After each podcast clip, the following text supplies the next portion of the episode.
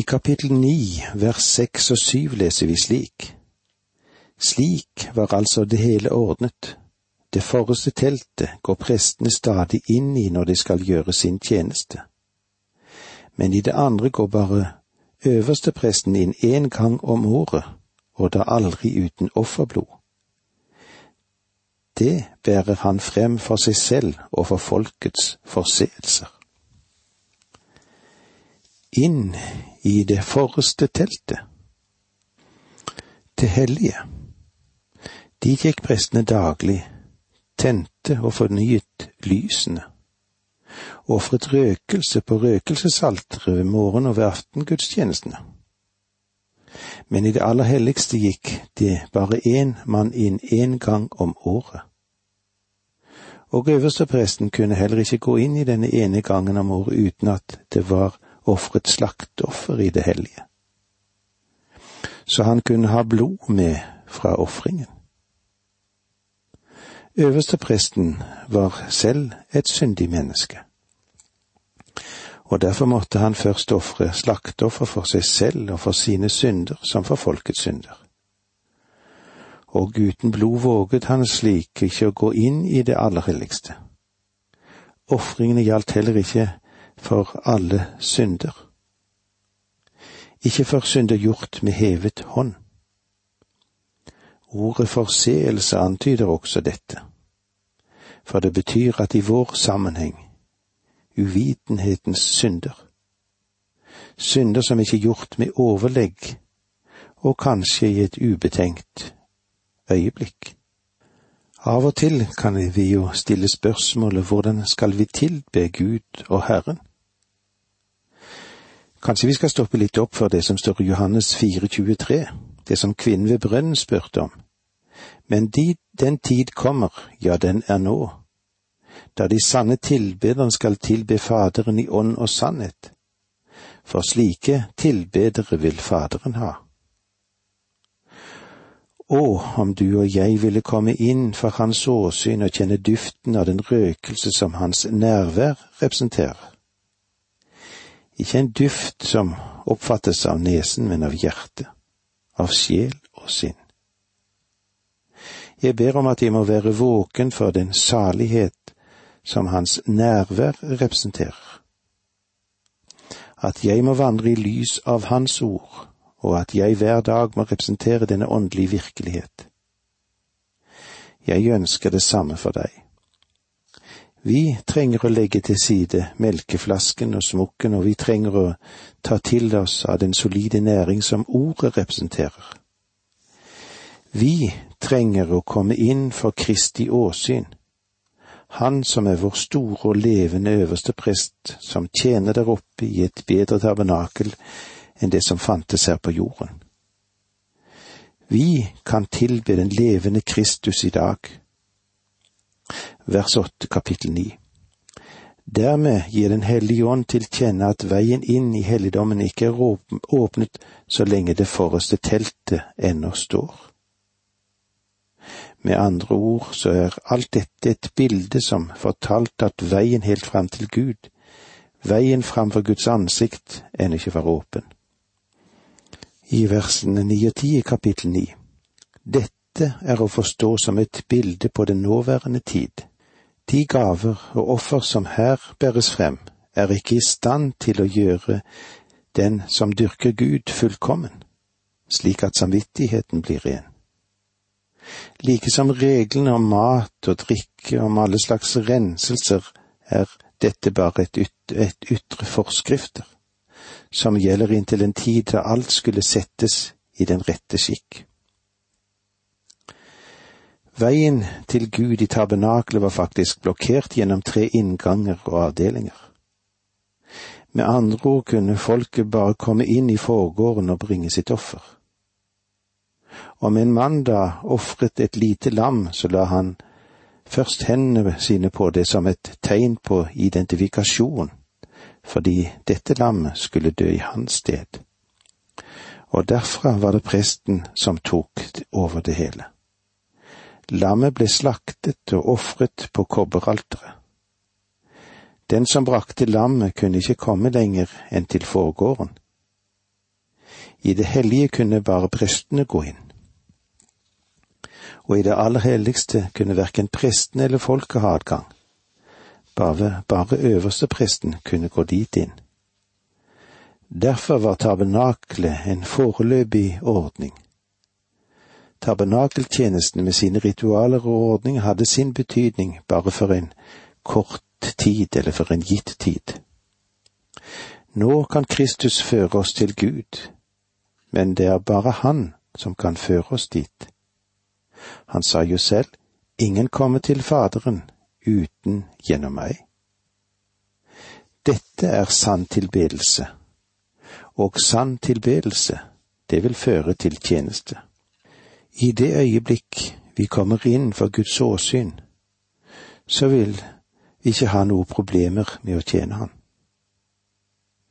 La meg få gjenta det jeg har sagt til nå angående helligdommen her på jorden, som bare er et bilde på den som er i himmelen. Dette har vi tatt for oss når det gjelder helligdommen her på jorden. Det første, den var på jorden. Det var en helligdom lag, laget av jordiske materialer. Den ble satt opp her på jorden. Det andre er, den var en skygge av det som skulle komme. Den var aldri selve virkeligheten. Mange mennesker blander disse tingene. Vi kan gå tilbake og studere tabernakelet og de enkelte delene av det, og vi kan bli fengslet av de modellene som vi ser der. Men selv på sitt beste var det bare en skygge, et bilde av den sanne helligdommen som er i himmelen. Og det tredje, den var utilgjengelig for folket. Du kunne ikke komme inn dit. Hadde du vært israelitt på den tid, kunne du ikke ha stormet inn for Guds åsyn. Du ville blitt stoppet etter første inngangen. Du ville ha trengt en offergave der, og du kunne aldri ha kommet lenger. Presten var en tjener for deg. Men i dag er vi alle et presteskap av troende, og hver av oss har adgang til Gud. Det er et av de store privilegier vi har fått fordi Kristus har splittet forhenget i to. Han har gått inn for Guds åsyn. Han er der nå, og der er han for å tjene oss. Israelittene hadde ikke det privilegiet under den gamle pakt. Og det fjerde er at det var temporært, altså det var tidsbegrenset. Men den Herre Jesus Kristus skal holde veien åpen i evighet. Og jeg vil tro at både jeg og alle vi trenger noen som kan holde veien åpen for oss. Det jordiske tabernaklet var bare en midlertidig ordning, det. Det femte det var uduelig for å endre menneskers hjerte. Og det vil jeg prøve å fremheve fremfor noe annet. Den jordiske helligdommen har ingenting å gjøre med det å forvandle et menneskes liv. Men i dag kan du komme til Kristus, og han kan forvandle ditt liv. Han alene gjør det mulig for deg å tilbe Gud i ånd og sannhet og oppleve ham som en realitet i livet ditt og når han har blitt en realitet, så kan du tilbe ham, og du kan tjene ham. Vi leser videre fra vers elleve. Men Kristus er kommet som øverste prest for de frelsesgoder som vi nå har. Han har gått gjennom det teltet som er større og mer fullkomment, og som ikke er laget av menneskehånd, det vil si som ikke hører den skapte verden til. Vi er eh, ved hovedbudskapet her nå. Men Kristus er kommet. Her deler altså Guds rikes historie seg med hele verdens historie, før og etter Kristi fødsel. Kristus kom ikke bare som mannen fra Nasaret, som det ideelle mennesket alene, eller som Israels konge og befrier, men som øverste prest for de frelsesgoder som vi nå har. Du må tenke igjennom hvilke frelsesgoder du har, til vi møtes igjen neste gang. Takk for nå, må Gud være med deg. Dette undervisningsprogrammet består av to deler. Åge Nevland fortsetter nå med andre del av dagens undervisning. Vi er i Hebreerbrevet i det niende kapitlet, og vi vil se litt videre på det som vi har å dele med hverandre fra vers elleve. Som overskrift over dette kan vi kanskje sette et bedre offer. La oss lese vers elleve. Men Kristus er kommet som øverste prest for de frelsesgoder som vi nå har. Han har gått igjennom det teltet som er større og mer fullkomment, og som ikke er laget av menneskehånd, det vil si, som ikke hører den skapte verden til. Nå har det altså hendt dette som skulle hende. Nå er det fullført det som Gud hadde tenkt på gjennom Jesus Kristus før noen ting var skapt. Og nå i disse siste dager ved tidens ende er nåden som vi fikk i Kristus fra evige tider, den er blitt åpenbart til frelse for alle mennesker. Nå er det realisert, det som var forberedt gjennom den gamle pakten. Nå er øverstepresten for de tilkommende goder kommet. Det er han vi skal møte. Det har han gjort til vår frelse. Han har laget i stand en frelsesvei for oss. Han er et under.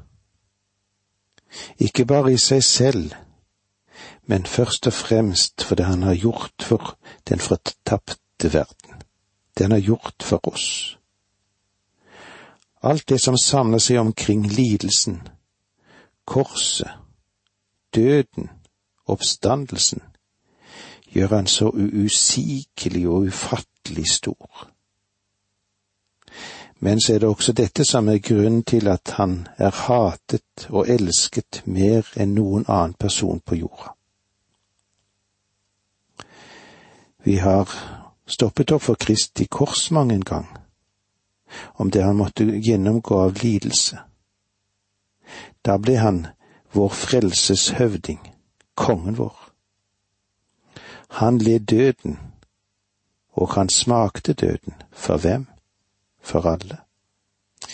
Den frelse som vi har fått, den er ikke gitt oss av Kristus alene, men av Gud ved Jesus. La oss lese 2. Korinterbrev 5, 18 og 19. Der får vi et, en stadfestelse på hvem Gud er men alt er av Gud, Han som ved Kristus forsonte oss med seg selv og ga oss forsoningens tjeneste. Det var Gud som i Kristus forsonte verden med seg selv, slik at han ikke tilregner dem deres misgjerninger, og han overga ordet om forsoningen til oss. Det er altså Gud som har gjort dette. Og hva er det han gjør? Ja, hva er det Gud gjør? Han gjør oss rettferdige. Kan jeg få lov til å spørre, har du fått gripe fatt i dette? Har det noen gang gått opp for deg, det som hender når Gud gjør den ugudelige rettferdig? La oss si i Romerbrevet 8.5. De som lever etter sin syndige natur, er bare opptatt av det som hører mennesker til. Men de som lever etter ånden, er opptatt av det som hører ånden til. Den som har fått lov å se inn i dette har fått dette som sin personlige eiendom, han har kommet inn i et nytt lys, inn i en ny situasjon, inn i et nytt forhold. Han har funnet det største som et menneske kan få her i denne verden. Han har fått del i frelsesverket. Bibelen forklarer oss greit om at den frelse som Gud gav oss ved Kristus, er bygd på noe annet enn en kjærlig Gud som gir den angrende synder nåde. Nei, ordet sier oss at Jesus steg inn i vår rett som menneske, tok på seg alt det vi hadde syndet og gjort, og det vi er ansvarlig for, det vi er ansvarlig for over Gud. Han ble skyldig, dømt, straffet, ja, måtte dø for oss. Den frelse vi fikk av Gud, ble derfor både sonende og rettferdiggjørende. La oss se litt videre ifra Romerbrevet fem, og vi leser fra 8, vers åtte og ni. Slik menneskene er i seg selv, kan de ikke være etter Guds vilje. Men dere er ikke i den syndige natur, dere er i ånden så sant Guds ånd bor i dere. Den som ikke har Kristi ånd, hører ham ikke til. La oss lese litt videre fra Romerbrevet 5, 18 og 19.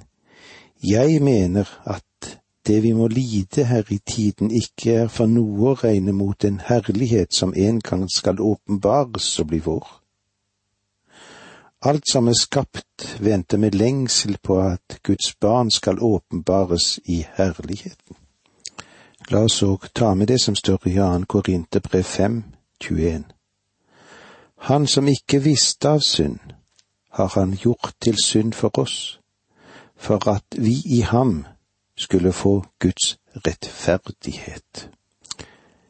Legg merke til, den troende synder blir tilregnet Kristi rettferdighet, og Gud ser i ham som om vi aldri hadde syndet. Ja, Gud ser oss i ham de blir rettferdiggjort uforskyldt av Hans nåde ved forløsningen i Jesus Kristus, står det i Romerbrevet. Og i første Peter, for også Kristus led en gang for synder, en rettferdig for urettferdige, for å føre oss fram til Gud. Han som led døden i kjødet, men ble levende gjort i ånden. Det er dette vi får av Gud ved Jesus Kristus gjennom tro. På den måten blir vi rettferdiggjort ved tro. Like som vi ble skyldige ved den første Adam, ble den andre Adam skyldig for oss. Jesu Kristi liv, offertjeneste, lidelse og død, seier over døden, det var han. Det var han som gjorde det, og det er han som har gjort alt dette, og nå er han inn for Guds nådes trone. Han står for Gud i vårt sted. Han gikk inn i helligdommen og fant en evig forløsning. Ved en, ved en evig ånd bar han seg selv frem som et ulastelig offer for Gud. Han gikk ikke inn i helligdommen som er gjort med hender, et avbilde av den sanne, men inn i selve himmelen, for å vise seg der for Guds åsyn. For hvem? For vår skyld. I hans død hadde Faderen behag, og dette syndofferet var også til ære for Gud.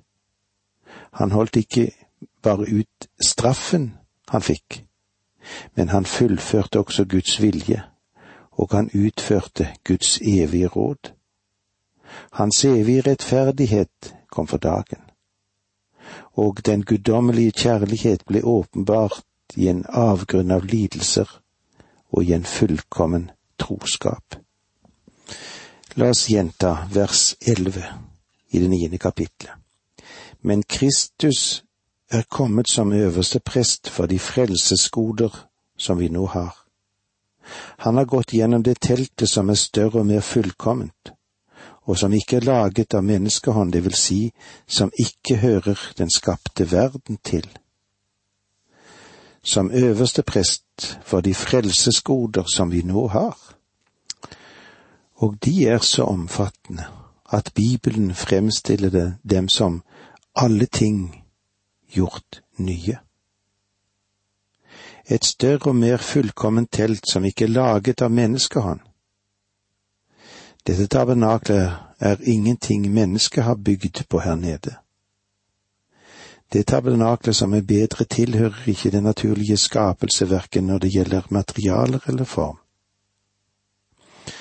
La oss legge oss det på sinne at det er et telt, et tabernakel i himmelen. Der er en virkelig øverste prest der, og der er noe som heter en åndelig tilbedelse. Du kan tilbe ham overalt, og det burde være en gledesfest hver gang mennesker kommer sammen i kirke og forsamlingshus hvor de virkelig tilber Gud. Det er en vidunderlig tilbedelse når det skjer i ånd og sannhet. Guds kjærlighet er langt, langt større enn penn og tunge tolke kan. Den når høyt over himmelens stjerner og ned til dødens mørke land. Så dypt vi falt, den sonet alt, da Jesus døden led. Sitt fangne barn i syndens garn. Gud frelste og ga fred. Guds kjærlighet, hvor rik og stor, hvor høy og dyp og lang, den priser evig engler, englers kor og alle frelstes sang. Om alle hav med blikk ble fylte, var himmelens hvelv av pergament, og var en penn hvert strå på jorden hvert mann med skrivekunsten kjent, og skildre rett Guds kjærlighet vil tømme alle hav, og himmelens hvelv fra bryn til bryn ei plass til Skriften gav. Med disse ordene sier vi takk for nå, må Gud være med deg.